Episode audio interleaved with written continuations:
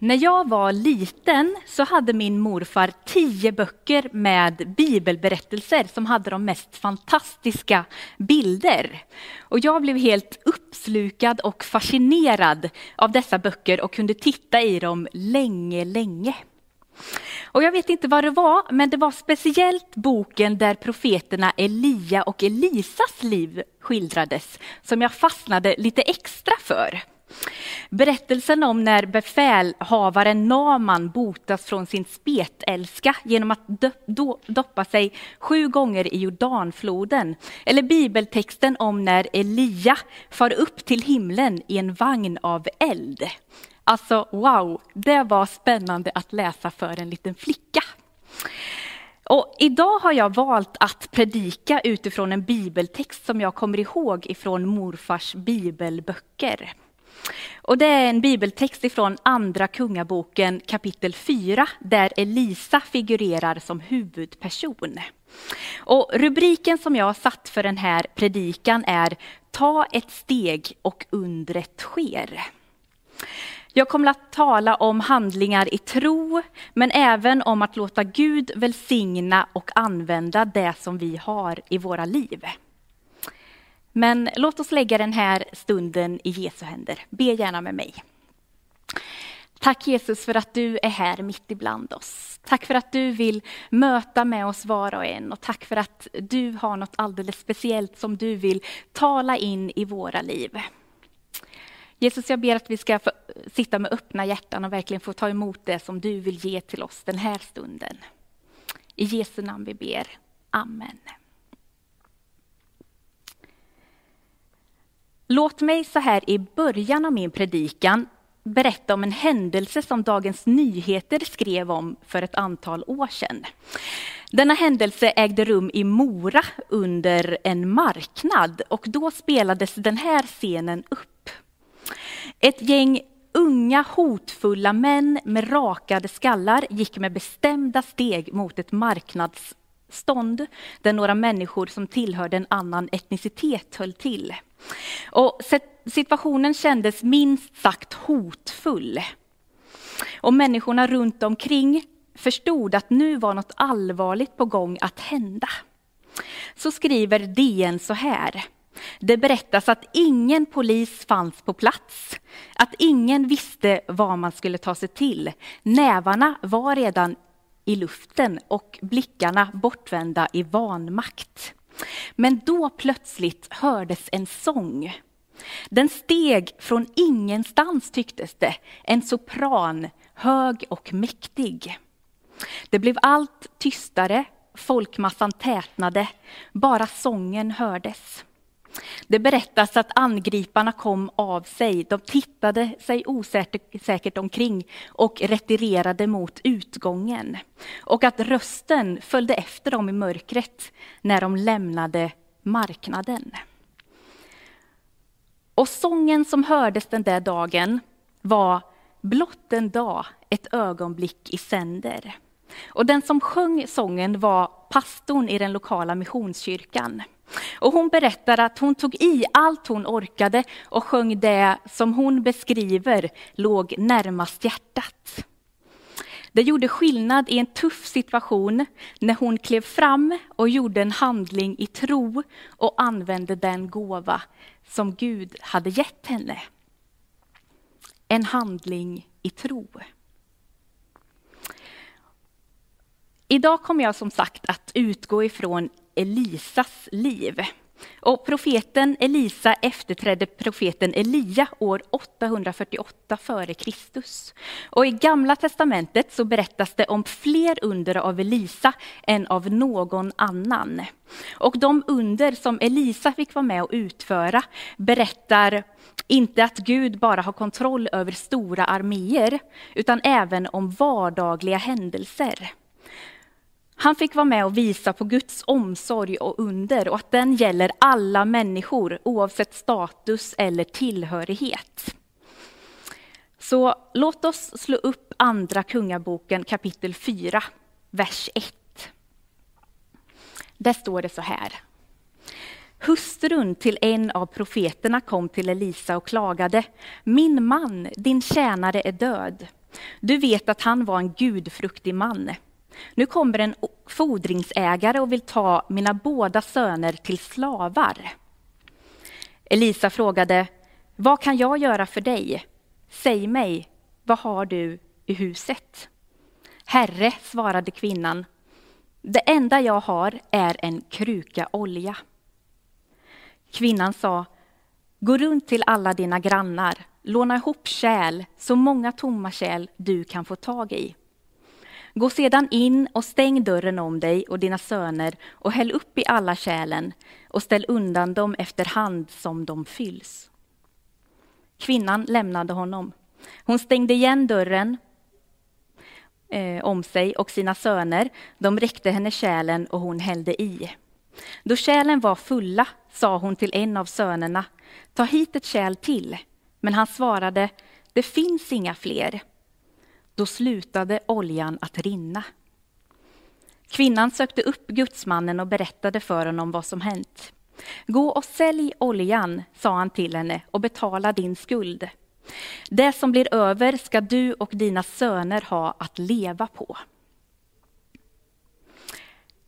Här kan vi läsa om en handling i tro som leder till att undret sker. Och den här fattiga kvinnan hade inte mycket. Det var mycket som änkan saknade och led brist på. Och hon hade en skuld att betala. Men hon hade en sak, en kruka olja. Och änkan hade bara lite olja kvar när Elisa säger åt henne att gå, ihop, eh, gå och låna ihop kärl och gå in i sin kammare, stänga dörren om sig och hälla upp oljan. Och jag vet inte hur jag med mitt mänskliga tänkande skulle göra om jag fick en sån uppmaning. Det krävdes verkligen en handling i tro. Men det var det som hon hade som Elisa uppmanade henne att använda. Och det var det som blev henne till välsignelse.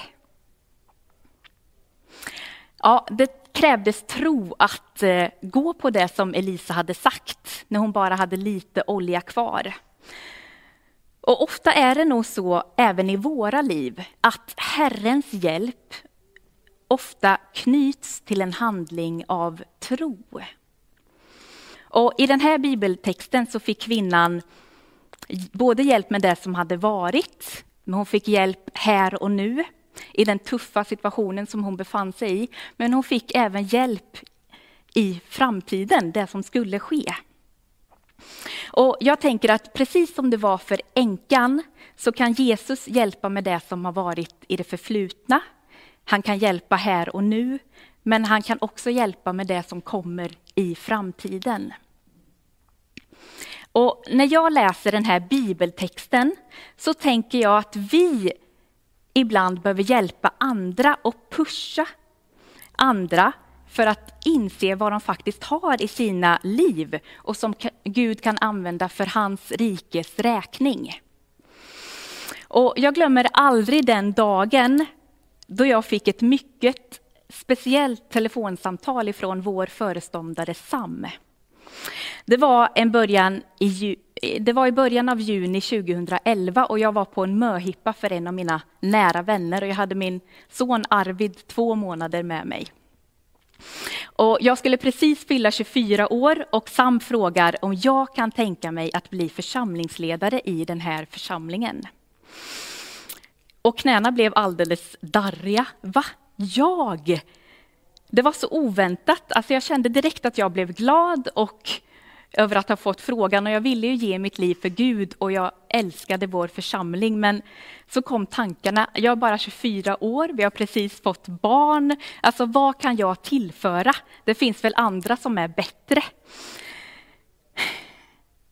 Så jag sa att jag måste fundera och framförallt be för det och det var en ganska långdragen process. Men jag är så tacksam över att Sam och Jenny som då jobbade i vår församling såg vad jag hade och vad jag kunde tillföra. Och jag är så tacksam att de ställde de där viktiga och avgörande frågorna som hjälpte mig att förstå och våga tacka ja till det uppdrag som jag ändå kände att Gud hade lett mig in i. Och ibland är det enkelt och kanske bekvämt att tacka nej. Men då tänker jag att man kan gå miste om mycket. Och låt oss inte nöja oss med mindre än det Gud vill för våra liv. Ibland behöver vi ha en Elisa i närheten som ställer de där avgörande frågorna och som pushar oss och hjälper oss att inse vad vi faktiskt har, som Gud kan använda och välsigna. Och ibland behöver vi vara en Elisa för någon annan som hjälper människor att se det goda de har i sitt liv och de gåvor de har fått och vägleda dem så att de kan blomma ut i sin tjänst för Gud. Elisa visste att allt vi är och allt vi har är en gåva från Gud. Så låt oss inte begränsa Guds möjligheter att använda oss genom att tänka på negativa omständigheter eller på något som kanske har hänt i det förflutna. För ditt förflutna behöver inte definiera din framtid. Kanske har Gud tänkt att du ska bli en modern Elia som står upp för mot onda krafter i samhället. Eller kanske en Elisa som har ett bultande hjärta för människor i nöd. Och jag tänker att om vi bara behåller oljan för oss själva, alltså det Gud har gett oss som gåva, så kommer den inte att flöda eller växa. Och då kommer den inte att bli till välsignelse för andra heller. Ge som gåva det du fått som gåva. Så låt oss använda våra gåvor till att tjäna Gud och våra medmänniskor. Och precis som Elisa frågade vad änkan hade, så fråga Gud vad du har i ditt liv. Och det är just det som han vill använda. Jag tänker på hederpojken David i Gamla testamentet. Om hur kung Saul försökte få på honom sin hjälm och sin utrustning inför striden med Goliat. Men hur David nekade och istället ville ha det som han brukade ha med sig. Nämligen en stav, släta stenar och en slunga.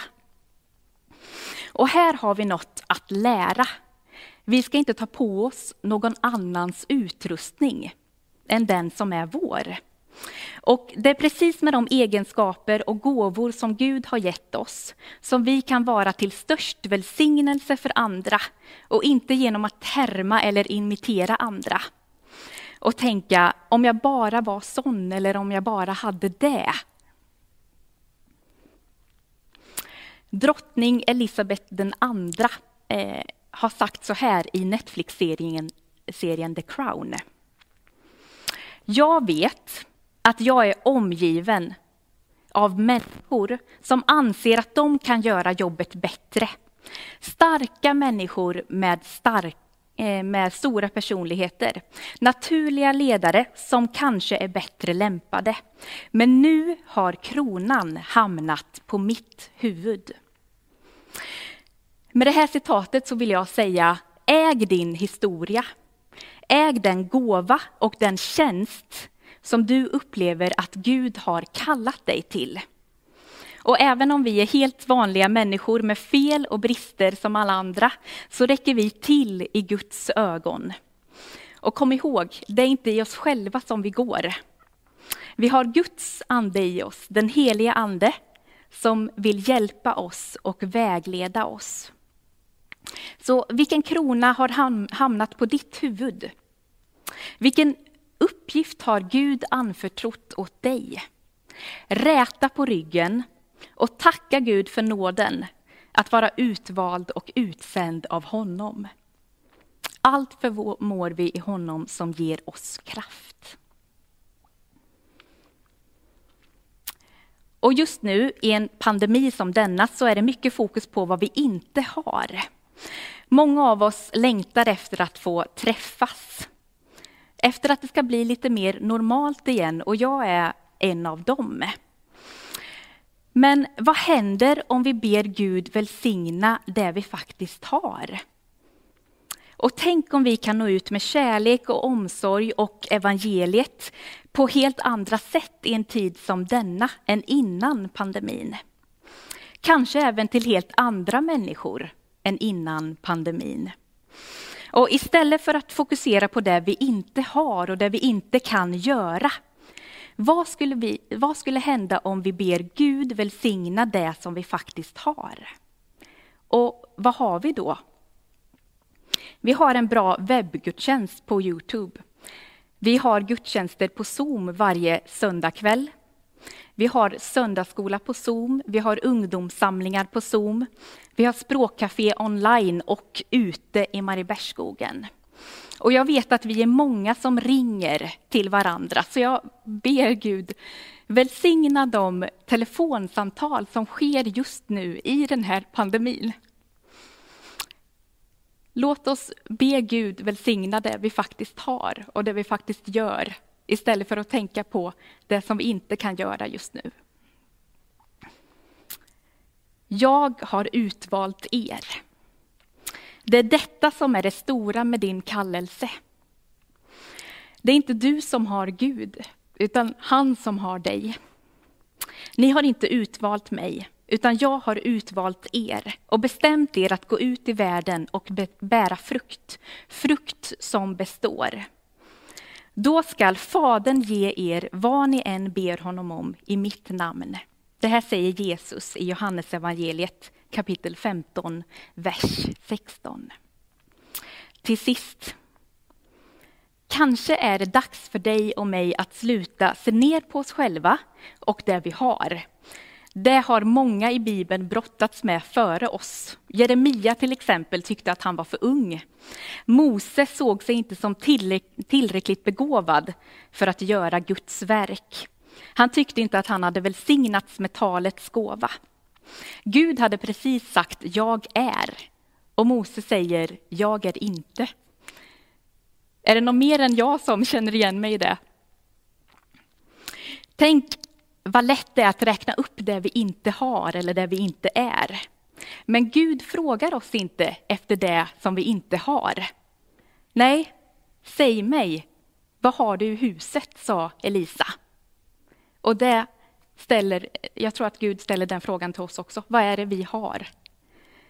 Och när vi ger det vi är och har till Gud, när vi gör en handling i tro, så gör han det stora undret. Amen.